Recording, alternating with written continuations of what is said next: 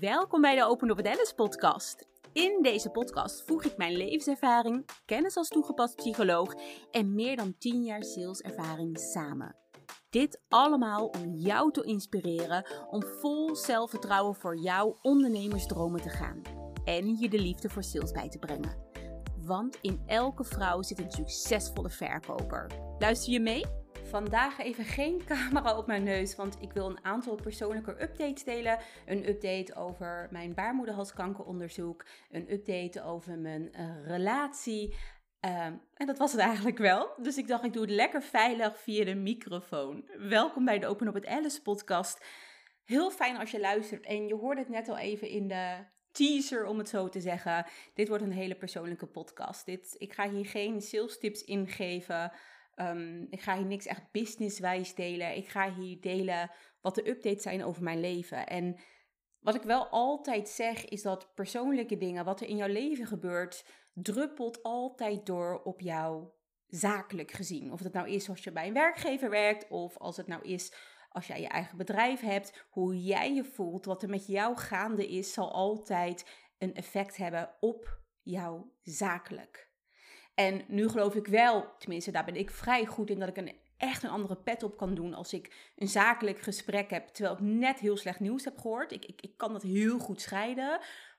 En alsnog geloof ik dat het invloed heeft en mag hebben. En dat is voor mij ook echt een reden dat ik ook deze podcast opneem. Um, enerzijds ook, heel erg eerlijk, ik heet Open Up with Alice. Ben ooit gestart met podcasten met het delen over mijn leven, traumatische ervaringen en taboes te doorbreken. Dus ik vind het heel belangrijk om open te zijn. Anderzijds ook omdat ik, nou ja, jou al een stuk heb meegenomen in mijn leven. Um, en ik daar ook gewoon het vervolg aan wil geven. En de derde reden, omdat ik dus geloof dat hoe jij je persoonlijk voelt, hoe jij voor jezelf zorgt, ook helpt om jou te laten groeien in jouw business. En ja, dus ook in het doen van sales. Want met het doen van sales komt best wel helemaal, als je het ongemakkelijk vindt, een stukje zelfverzekerdheid bij kijken, een stukje uit de comfortzone stappen. En om uit de comfortzone te stappen is gewoon makkelijker als jij lekkerder in je vel zit. Dus mega belangrijk. Oké, ehm, even kijken met welke update ik ga beginnen. Ik moet zeggen dat ik het zo fijn vind dat die camera niet aanstaat. Ik had van de week had ik ook al een update, over, uh, update, over, uh, een update opgenomen over mijn uh, privé kwestie, over mijn relatie met camera. Maar het voelde niet prettig. Ik ga die ook niet plaatsen. En ik merk gewoon dat ik denk, ja, dit soort onderwerpen. Ja, het klinkt misschien gek, maar die wil ik zo van kleinschalig houden. En het slaat ook nergens op, want het is niet kleinschalig wat ik doe. Maar voor mij voelt alleen mijn stem te laten horen via de podcast wat veiliger dan dat ik het ook openbaar op YouTube gooi. Dus vandaar. Oké, ik begin gewoon met de update over mijn baarmoederhalskankeronderzoek. Wil je daar meer over weten? Ik heb volgens mij misschien al twee keer zelfs hier een aflevering over opgenomen. Laatst, echt de laatste aflevering erover opgenomen. Ik zal kijken of deze... Ja, ik ga er even linken in de show note. Ik schrijf het meteen op, want anders ga ik het um, vergeten. Dus ik ga de aflevering delen over de baarmoeder. In de show notes voor jou, dus die kan je daar gewoon uh, die kan je daar vinden. Ik zou namelijk. Uh, nee, ik ga eerst een heel klein stukje vertellen. Als je de aflevering niet hebt geluisterd, dat je niet eerst daarheen hoeft. Maar ik loop al best een tijd bij het ziekenhuis voor onderzoek van mijn baarmoeder. Um, ehm, 2018, toen ik 30 was uh, geworden, op een gegeven moment heb ik een baarmoederkankeronderzoek gedaan. Die, die, die krijgt elke vrouw, als je dat hoort, krijg je een oproep en dan kan je dat doen. Nou, dat heb ik gedaan. Ik weet nog dat ik er destijds niet heel veel zin in had, maar op uh, goed advies van een vriendin van mij, die zei, doe het dan voor mij, ben ik toch gegaan. En daaruit bleek dat het niet heel erg goed was. Ik weet nog dat de dokter zei, toen hij de uitslag zag, joh, dat komt goed, niks aan de hand, je hoeft je geen zorgen te maken. Maar uiteindelijk bleek dat ik me toch een beetje zorgen moest eh, maken.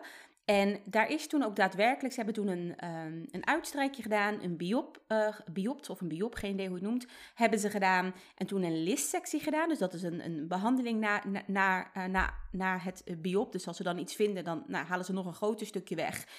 En daar is toen daadwerkelijk kanker gevonden. Ik vind kanker, het woord heel heftig om te gebruiken, omdat voor mij is kanker ja, ik zie dat als uh, chemokuur, haaruitval heel heftig. En ik heb dat zelf nooit zo ervaren. Je hebt natuurlijk verschillende stadiums van kanker. De een is heftiger dan de ander. Persoonlijk denk ik altijd, het is zo heftig als jij het zelf ervaart. Ik heb het niet heel erg heftig ervaren. Ik, ik, ik wil niet zeggen, het was ook niet heftig, want misschien heb jij het meegemaakt en was het voor jou wel heel erg heftig. Dus Ehm, dat is echt je eigen journey, echt je eigen reis. Ik heb het niet als heel erg heftig ervaren. Ik vind het woord ervaren, ik vind het woord kanker ook dat ik denk, ja, nee, ik, het, het is een feit dat het er zat, maar zo heb ik het niet per se gevoeld. Maar het zat dus een stukje kanker. En uh, met de listsectie hebben ze dat weggehaald. En de randen om de kanker, die kanker was trouwens echt piep, piep, piep klein. Uh, en de randen waren schoon. En ik weet nog dat we toen in samenspraak met wat meerdere artsen hebben besproken, ook in samenspraak met mij, dat ze niet verder zouden behandelen, omdat ik toen nou, destijds 30 was en eventueel nog een kinderwens had. Dus destijds hebben ze niks gedaan. Um, we zijn toen wel, ik moest volgens mij toen in het begin, elk half jaar, nou, ik, mo ik moest toen best wel vaak naar het ziekenhuis uh, voor weer een uitstrijkje. En op een gegeven moment, toen het echt een aantal keer goed was, mocht ik zelfs naar een jaar komen voor een uitstrijkje. En het ging elke keer wel goed. Af en toe was hij weer wat hoger. De papuitslag, dus het uitslag van het uitstrijkje, en af en toe weer wat lager. Maar, maar dat ging goed. Tot het laatste uitstrijkje. En het interessante is dat dit uitstrijkje geen eens in het ziekenhuis heeft plaatsgevonden. Ik was 35, ik ben nog steeds 35. En kreeg zoals elke vrouw dus in Nederland weer een onderzoeks... Um, ik wil zeggen uitslag, uh, zo. Uitnodiging. Ik kreeg een onderzoeksuitnodiging. Um, wat ik net al zei, als je 30 bent, krijg je die 35. Volgens mij krijg je die om de 5 jaar. Nou, ik kreeg deze ook. En toen dacht ik, joh, ik hoef dat niet te doen, want ik loop bij controle in het ziekenhuis. En volgens mij moet ik over drie maanden weer. Maar toen dacht ik, joh, kan geen kwaad. Ik ga gewoon, hè, alsof een uitstrijdje heel erg leuk is. Niet echt. Maar iets in mij zei, doe het gewoon. Gewoon voor de zekerheid. Nou, gelukkig ben ik toen wel geweest, want um, er kwam dus weer een slechtere uitslag uit. En ik weet nog dat de dokter toen ook zei van de praktijk, oh, niks om zorgen om te maken. En ik heb toen ook echt tegen die dokter gezegd, je moet ophouden met, of jullie moeten ophouden met dit soort dingen te zeggen, want dat is vorige keer ook tegen mij gezegd. En toen bleek er dus wel iets om zorgen over te maken. Dus ik dacht, ik geef meteen even feedback, want ja, dat vond ik oprecht niet oké. Ik voelde me daar niet, ja, ik voelde me daar niet, niet prettig bij, omdat ik dacht, je kan niet een belofte maken die je niet 100% zeker weet. Nou, anyway, daar gaat het helemaal niet om. Weer in het ziekenhuis beland. Um, hoe dat al, nou ja, ik zit te kijken of ik dat heel kort kan samenvatten, maar uh, ze wouden dus een biop nemen, want de uitslag van het uitstrijkje was slag, wouden, uh, slecht, ze wouden een biop nemen. Dat lukte dus niet. Het lukte niet om een biop te nemen omdat ze niks konden zien op de camera. Azijnspray erop uh, gespreid. Nou, ze konden niks vinden. Weer een uitstrijkje genomen. Weer een slecht uitstrijkje. Nog slechter dan die keer daarvoor. Dus van twee maanden of drie maanden geleden was hij nog slechter. En op een gegeven moment toen um, ik terugkwam bij, uh, bij de arts, is eigenlijk in samenspraak besproken van joh, we gaan een kijkonderzoek doen. We gaan kijken. Dus dit is de laatste keer dat ik in het ziekenhuis was. We gaan kijken en als we weer niks zien, hè, en dat verwachten we, dan willen we meteen een, een, een behandeling doen. Een listsectie noem je dat. Dan willen we meteen een stukje wegsnijden. Nou, dit is dus al eerder gedaan in 2018. Dus ik wist ook de voor- en de nadelen. En ook betreffend kinderwens en de kans op een vroeggeboorte. Dus het is me allemaal wel verteld en heb ik ook nog een keer naar gevraagd. En voor mezelf ook echt afgewogen van ja, ik ga het gewoon doen. Ik wil gewoon het woordje K niet in mijn lichaam, uh, in mijn lichaam hebben. En de dokter heeft toen ook aan mij uit, uitgelegd van, nou, vorige keer hebben we hier een stukje weggehaald met de listsectie. Nu gaan we een, echt wel een stukje dieper en dan gaan we een vierkantje weghalen. Dus er wordt een wat groter stukje weggehaald. Omdat hij verwachtte en hoopte dat als hij dat weg zou halen, dat er dan wat in zou zitten. Dus hij zei ook, ik hoop dat we iets vinden, want dan kunnen we wat. En als we weer niks vinden, maar met jouw geschiedenis, hè, met, met kanker, uh, met, de uitsla met de uitslag die we nu zien, uh, zouden we dan eventueel een scan of iets anders moeten doen om verder te gaan zoeken. Dus eigenlijk hoopten we op, op, op dat ze iets zouden vinden. Klinkt wel gek, maar dat was de hoop. Nou, vandaag was de dag, of is de dag dat ik de uitslag zou krijgen. En het interessante is, ik ken mijn lichaam mega goed. Ik maak me op bewust niveau niet heel druk om dit soort dingen. Ik ben meestal iemand die nou, best wel hard is en zoiets heeft. Hup, doorgaan. Uh, ik ga mijn leven niet op stop zetten voor dit. No way.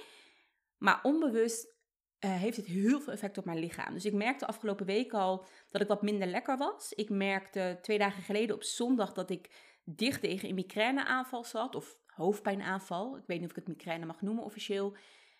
Gisteren werd het, heb ik de hele dag gewerkt voor de werkgever en werd het met een minuut erger. Ik ben ook vroeg mijn bed ingegaan en vanochtend werd ik wakker en was ik helemaal aan het rillen, koud, warm, keelpijn, hoofdpijn. En ik voelde aan mijn lichaam dat ik ziek was. En niet ziek als van ik heb griep of ik, ik heb iets te pakken. Ik heb iets onder de leden, noem je dat volgens mij. Maar ziek als van mijn lichaam uit de stress op deze vorm. Dus ik voel dan alles wat ik daar naar mocht luisteren. Heb ik ook gedaan. Ik heb me ziek gemeld, ben in mijn bed gegaan. Net zo lang in mijn bed gebleven tot de dokter mij belde met de uitslag. En hij zei, ik heb goed uitslag. Ik heb gevonden wat we wouden vinden. Je hebt een uh, SIN 3, dat is een voorstadium van baarmoederhalskanker. En er is een afwijking gevonden, maar niet kwaadaardig. Nou, even met hem doorgesproken om even wat dingen duidelijk te krijgen, want het kwartje wou niet helemaal bij mij vallen. En ik zei ook van, oh, maar en, en, nu dan? Want vorige keer was het natuurlijk best wel onzeker, maar en nu? En toen zei hij ook, um, nou, over zes maanden krijg je een nieuwe afspraak. En dan gaan we dus kijken of het wegblijft. Of dat het, dat er, nou, dat het nu wel goed is, de uitslag. En toen zei ik, ja, maar is dat niet mogelijk om dat al eerder te doen? En hij gaf aan dat dat niet mogelijk was, dat het eerst nou, moest helen. Um, en dat ze dan weer verder konden onderzoeken. Hoe dat medisch werkt, oprecht, ik heb geen idee. Ik heb me er ook niet in ingelezen. Ik wil me er ook niet helemaal in inlezen, want het stukje wat ik me heb ingelezen, dan maak ik me alleen maar meer zorgen dan dat ik me misschien zorgen moet maken. En ik wil vooral mijn leven gewoon oppakken. En ik ben heel erg blij dat deze arts het heel serieus neemt. Um, ondanks ik niet deze uitslag, maar die uitslag ervoor via een voicemail heb gekregen. Dat ik heel even dacht, wat is dit voor arts? Heeft hij het zeker goed gemaakt met hoe hij de behandeling heeft gedaan en hoe hij alles aanpakt. En hij heeft ook gezegd met jouw uh, geschiedenis, met dat er al kanker, eerder kanker is gevonden, uh, hè, nemen ze dit serieus. En hij zei ook tegen mij, alsjeblieft kom naar die afspraak over zes maanden. Ik zeg, nou, dat is geen enkel probleem, dat zet ik in mijn agenda. Ik ben daar natuurlijk. En Steven, als ik eerder klachten zou krijgen, dan zou ik natuurlijk eerder naar het ziekenhuis gaan. Dus ja, eigenlijk is de update dat, dat ik blij mag zijn. En het klinkt heel gek, want ik ben ook blij. Ik ben blij dat er geen kanker zit. En ben blij dat we nou, iets we hebben weg kunnen snijden. Maar ik ben ook heel verdrietig, omdat er dus twee keer gesneden is in mijn lichaam. Ik dat vrij heftig vind. Um, ik ook weet dat het voor een kinderwens niet de ideaalste optie is. Ik weet, ik weet trouwens niet of ik een kinderwens heb, maar ja, het zijn toch dingen waar je over, over nadenkt. En ook omdat ik zoiets heb van, oké, gaat er over zes maanden gaat er weer iets zijn? Gaat het dan schoon zijn? Ben ik gevoeliger voor kanker, omdat er al kanker is gevonden? Wat, wat, moet ik nu doen met mijn lichaam? Hoe kan ik goed voor mezelf zorgen? En ga ik nu, omdat ik dit nieuws heb gehoord, maar in één keer, oké, alles is goed, hup, en we gaan met die banaan? Of, of mag ik nog heel even in die verstillingen en goed bij mezelf voelen? Ja, ik weet het nog niet zo goed. Ik, uh, wat ik eigenlijk heb gedaan nu is, ik heb een afspraak bij mijn psycholoog over twee dagen, donderdag, nee, vrijdag, want vrijdag ben ik vrij van de werkgever, heb ik een afspraak bij de psycholoog, puur om gewoon te voelen. Mijn psycholoog is ook ademtherapeut.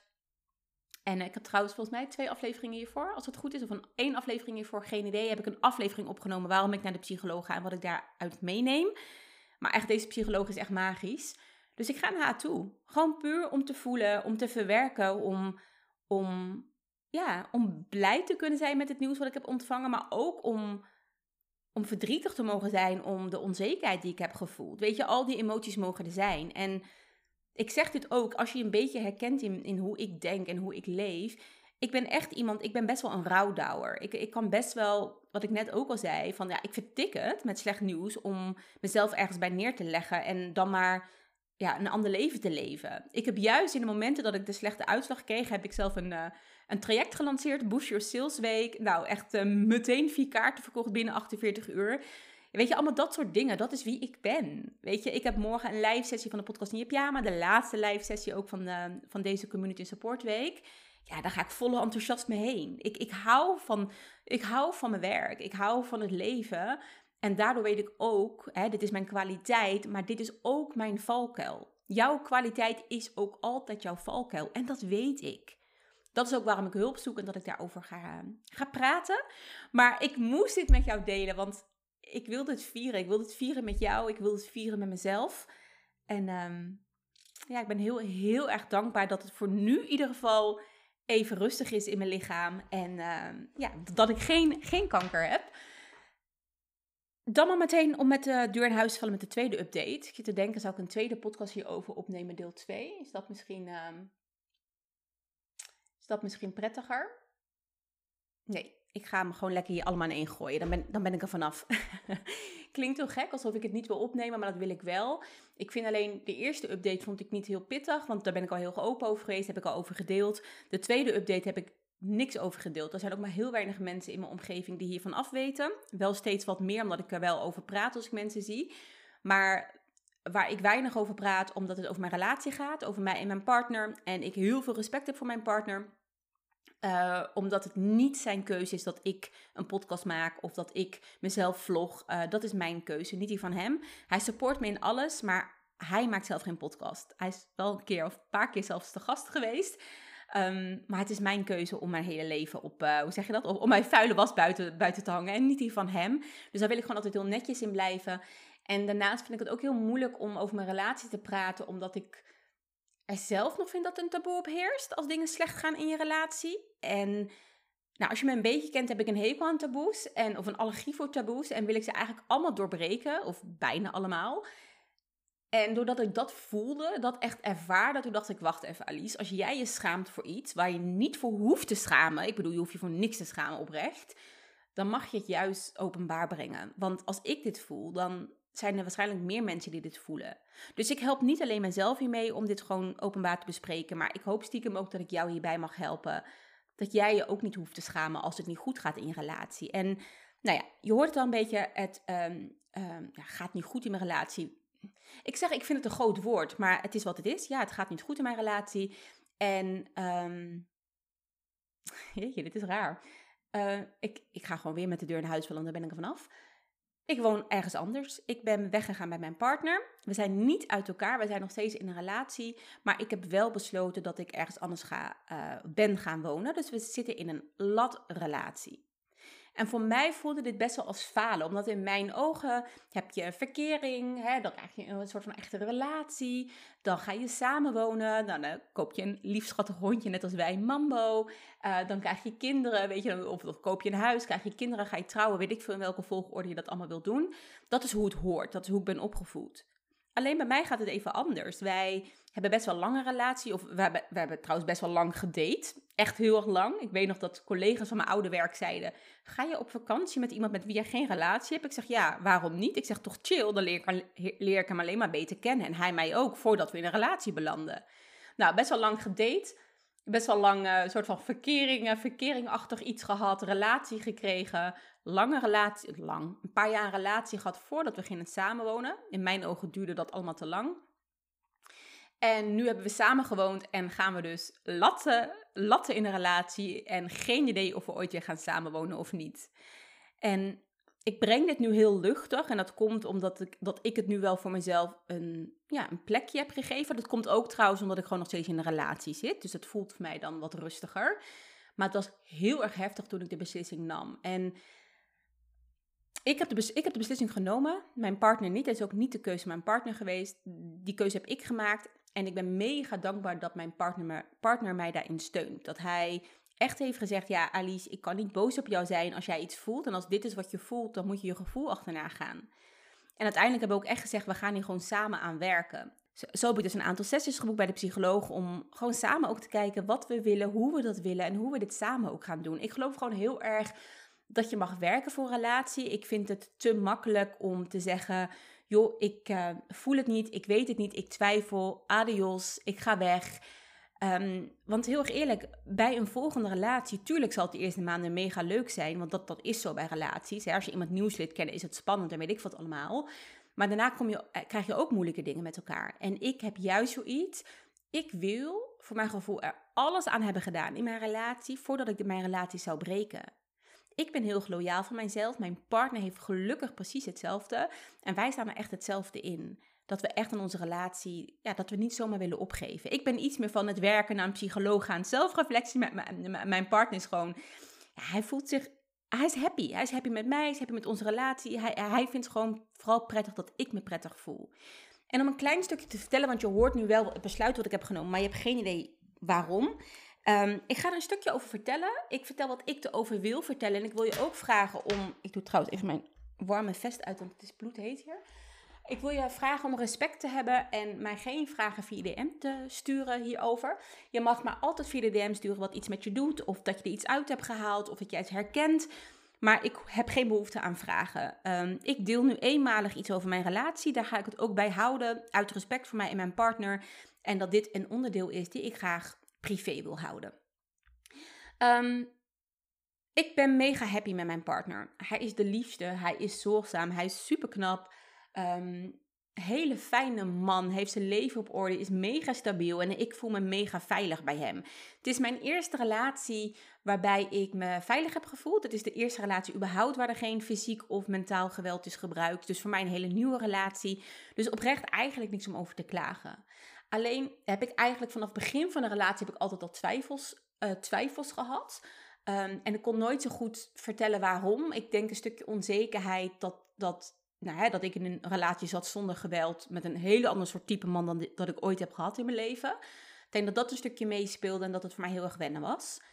En nou, op een gegeven moment is dat, is dat gelukkig wel weggezakt. Alleen toen wij gingen samenwonen heb ik vanaf dag één me niet thuis gevoeld. Me niet thuis met hem in het huis waar we woonden. En we hebben een geweldig huis. En het klinkt gek om te zeggen we hebben, want het voelt nog steeds een beetje als mijn huis of appartement eigenlijk. Maar we wonen hoog in een mooie toren met 10 meter of meer dan 10 meter raam. Eh, Super mooi ingericht. Echt alsof je in een magazineblaadje komt als je bij ons binnenkomt. Allemaal door mijn partner gedaan. Daar is hij heel erg goed in. Hij heet trouwens Kevin. Ik ga hem gewoon bij zijn naam noemen. Super mooi. Echt gewoon een droom die uitkomt. En toch voelde ik me niet thuis. Ik kon niet volledig mezelf zijn. Ik, en ik vind het zo moeilijk om dit te zeggen, omdat ik mezelf dan ook de vraag stel, ja, maar hoe komt dat dan? En ik weet, ik, ik weet het niet. Ik heb geen antwoord. Ik, ik voelde het gewoon niet. Ik, ik voelde het niet. En enerzijds misschien wat ik en Kevin anders zijn, dat hij anders met dingen omgaat, ook in het huis, uh, in zijn leven, dan dat ik dat doe. Um, en anderzijds ook wel dat ik het misschien niet kon geloven dat ik daar woonde. Ik kom hiervoor, ik woon hiervoor in een sociale huurwoning in Den Haag. Was ook gewoon gezellig ingericht, had mijn partner ook bij, had Kevin ook bij geholpen. Maar nou ja, sociale huurwoning en wat ik, uh, wat ik nu met Kevin had, is echt wel een wereld van verschil. En ergens denk ik dat die groei zo snel is gegaan voor mij, dat ik zo snel van um, ja, een sociale huurwoning, ook niet per se heel veel geld gehad te hebben. Ik heb nooit geldproblemen gehad, kon altijd rondkomen, kon altijd ook wel leuke dingen doen, maar ik had nou niet echt heel veel geld. Naar in één keer de laatste jaren mega veel geld te verdienen. Uh, nou, dan opeens mijn droomhuis te krijgen, mijn droompartner, mijn droombaan bij de werkgever en nu mijn eigen bedrijf. Ja, het is gewoon bijna onrealistisch. Dus ik denk dat het een soort van opstapeling is. Een opstapeling? Een op, opstapeling? Opstapeling? nou, een opstapeling is geworden van meerdere, meerdere dingen, waardoor ik niet helemaal meer bij mezelf kon komen. En op een gegeven moment voelde ik, want het werd bij mij steeds erger, uh, vooral intern, dat ik voelde dat ik dacht, ik, ik wil hier niet zijn. ik wil alleen zijn. En het was op een gegeven moment echt bij mij een keuze dat ik dacht, ja, ga ik weg bij mijn partner? Maak ik het uit? Ga ik weg? Of doe ik een tussenstap? En waar ik, en, waar ik ook best wel fan van ben, of ook geen fan van ben, ik, ik ga hem uitleggen hoor. Wat je wel eens ziet bij mensen als ze dan uit elkaar gaan. Ik, ik, ik moet een beetje denken vaak aan die soapopera's. Dat dan, nou, dan gaat de man bij de vrouw weg. En dan in één keer gaat hij sporten. En dan gaat hij het leven leiden wat hij altijd al wou. Ja, dat heb ik altijd tegen mijzelf gezegd. Dat ga ik nooit doen. Ik ga niet weg bij mijn partner om dan pas het leven te leiden wat ik eigenlijk wou leiden toen ik met hem was. Ik vind dat ik mezelf en mijn partner dat verschuldigd ben om mijn leven al te leiden zoals ik dat wil. En dan te kijken wat het met mijn relatie doet. Want tuurlijk, als ik het uitmaak en ik ga in één keer leven hoe ik dat echt zou willen. Tuurlijk wordt mijn leven dan mega leuk. Je krijgt even weer die impulsen en weet ik wat allemaal. Maar dat is sowieso tijdelijk. En twee, waarom kan ik dat pas doen als ik het uitmaak? Waarom, waarom kan ik mezelf dat niet gunnen en mijn relatie dat niet gunnen om dat in mijn relatie te doen? Alleen natuurlijk wel de moeilijkste keuze, de makkelijkste keuze. Nou, het is niet de makkelijkste keuze, maar het is makkelijker om te zeggen, joh, uh, ik maak het uit, wat natuurlijk mega kut is. Uh, maak het uit en dan in één keer van een heel ander leven leiden. En het is natuurlijk moeilijker om te zeggen, oké, ik ga in mijn relatie voor mezelf kiezen. Dat betekent dat ik mijn partner pijn doe, dat ik hem verdriet doe, om volledig voor mezelf te kiezen. Om te hopen en te werken dat onze relatie beter gaat worden, omdat ik beter met mezelf ben. En voor datgene heb ik gekozen. Ik heb gekozen dus om in een, in een latrelatie te springen met het risico dat mijn partner het uitmaakt. Ik bedoel, ik kan me best voorstellen dat mijn partner ook op een gegeven moment kan zeggen: Joh, Alice, je woont nu al vier maanden alleen. Ik zie je minder. Ik, ik wil wel een partner die bij mij in een huis woont. Ik wil een partner met wie ik zo een toekomst kan opbouwen. Ik maak het uit. Dat risico is er. En toch heb ik het aangegeven, toch ben ik het risico aangegaan, omdat ik dacht: ik kan, ik kan niet uit angst bij iemand blijven. Ik vind dat niet eerlijk naar mezelf, maar ook niet naar mijn partner. Ik weet ook dat ik op een gegeven moment ging nadenken over het financiële aspect. Dat ik denk, jeetje, oké, dan hebben we allebei onze eigen huur, onze eigen, het is ook wel meer, meer geld. En toen ik daaraan dacht, ook daarin dacht ik meteen, no way. En ik heb het ook uitgesproken naar Kevin. Ik zeg, ik ga niet bij jou blijven omdat het financieel dan aantrekkelijker is. Ik ga niet zo'n persoon worden. Ik, ik, heb, ik ken letterlijk zulke mensen die dat echt hebben gezegd. Ja, ik wil weg bij mijn partner, maar het is financieel onmogelijk. Donder wat onmogelijk? het is nooit onmogelijk. Al moet ik op een kamer 4 bij 4 wonen. Ik ga weg bij mijn partner als ik voel dat dat, dat, dat het juiste is. Ik wil niet bij iemand blijven alleen vanwege het geld. Ik wil niet bij iemand blijven alleen omdat hij super lekker elke dag voor me kookt. Ik wil niet bij iemand blijven omdat dat makkelijk is. Ik wil bij iemand blijven omdat ik van iemand hou en omdat ik het voel en omdat ik denk dat het een meerwaarde is. En op dit moment was het voor mij geen meerwaarde. Het, het, het hield me klein. Het, het maakte me een beetje alsof ik op mijn tenen liep. En het klinkt heel gek, want dan, dan waarschijnlijk, tenminste, ik denk nu dat jij denkt, oh, dan was hij heel moeilijk. Of nee, hij was niet jaloers. Ik mocht alles, ik mag nog steeds alles.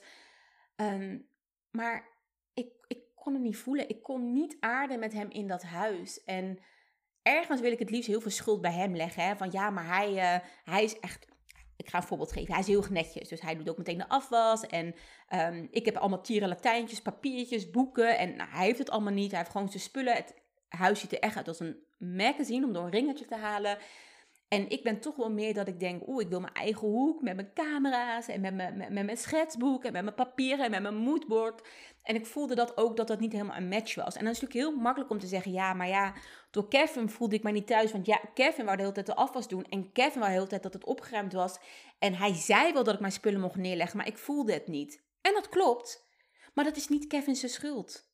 Dat ik iets voel ligt altijd bij mij, niet bij een ander. Kijk, tuurlijk, hè, als hij me in elkaar slaat en hij scheldt me uit, ja, dan ligt het bij hem en moet ik gewoon mijn weg gaan.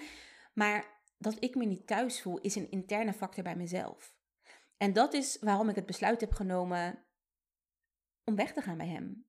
En um, ik ga je alle details besparen hoe precies ons gesprek is gegaan en noem maar op. Mocht je dat wel willen weten, ik wil zeggen let me know, maar nee, let me niet know. Let me niet know. Ik uh, ga daar gewoon verder niet over uitweiden. Voor mij is dit voldoende.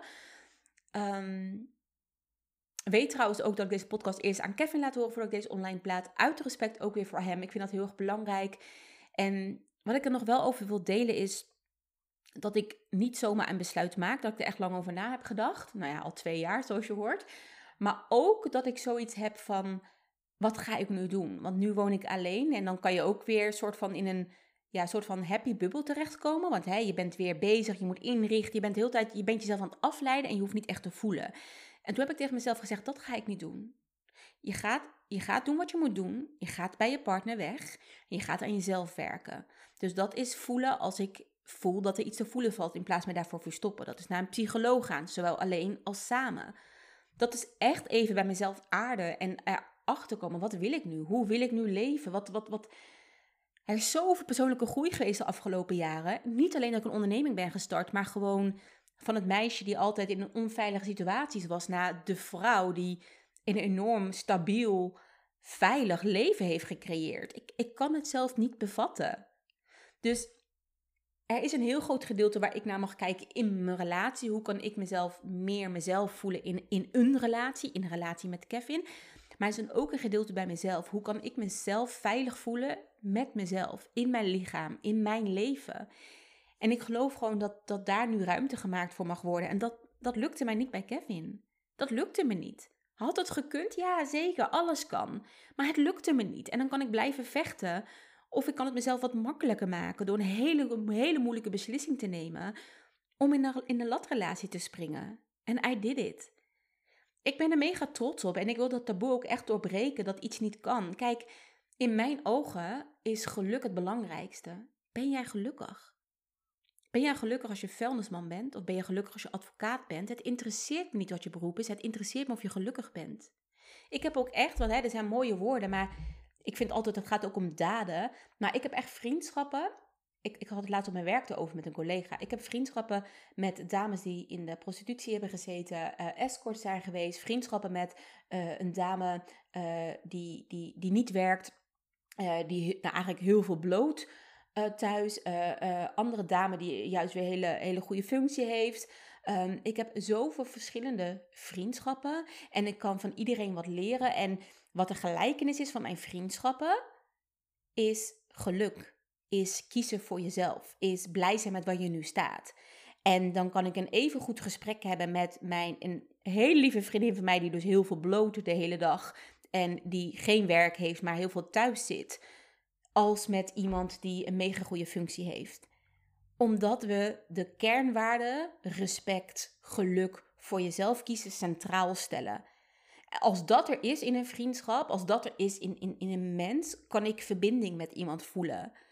En dat is voor mij zo'n belangrijke factor dat ik hem ook zelf in mijn eigen leven wil integreren. Waardoor ik elke keer kijk, ben ik gelukkig? Ben ik gelukkig? Dus niet, oeh, heb ik nu status? Heb ik nu meer geld? Heb ik meer likes? Heb ik meer volgers? Vind ik ook allemaal belangrijk. Ik ben gewoon een mens, dus uh, even ophouden met schijn heilig doen. Willen we allemaal meer volgers? Kom op. Ehm, maar het allerbelangrijkste, ben ik nog steeds gelukkig wat ik doe? Vind ik podcast maken nog steeds leuk? Vind ik mijn verhaal delen nog steeds leuk? Of ik nu wel uh, dadelijk 200 luisteraars krijg voor deze podcast of maar 7, brengt het mij geluk? En als dat antwoord ja is, is wat jij ook kiest altijd goed. En dat wil ik nog wel ook, laatste ding wat ik wil meegeven, maar goede keuzes, de juiste keuzes, zijn niet altijd makkelijk. Dit is een van de moeilijkste keuzes die ik moest maken. En vooral in een periode, want ik heb twee updates met je gedeeld. De eerste update was gaande toen ik de beslissing nam om weg te gaan met mijn partner. Het was makkelijker geweest om te zeggen: ik blijf bij mijn partner. Want stel je voor dat hij het uitmaakt als ik bij hem wegga en dan sta ik alleen in het ziekenhuis met die onderzoeken.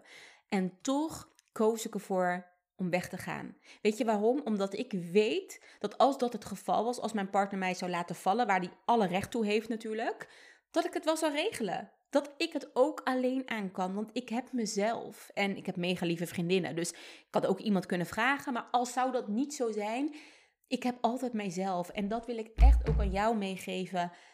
Je hebt jezelf. Je bent nooit alleen. En als je dat wel zo voelt, ga aan de slag. Doe innerlijk werk. Ga naar psycholoog. Zoek een coach. Ga cacao-ceremonies bijwonen. Ga spiritueel werk doen. Weet je, doe wat bij jou past. Bij mij past spiritueel werk, maar ook heel erg gewoon praktisch. Echt letterlijk naar een psycholoog gaan.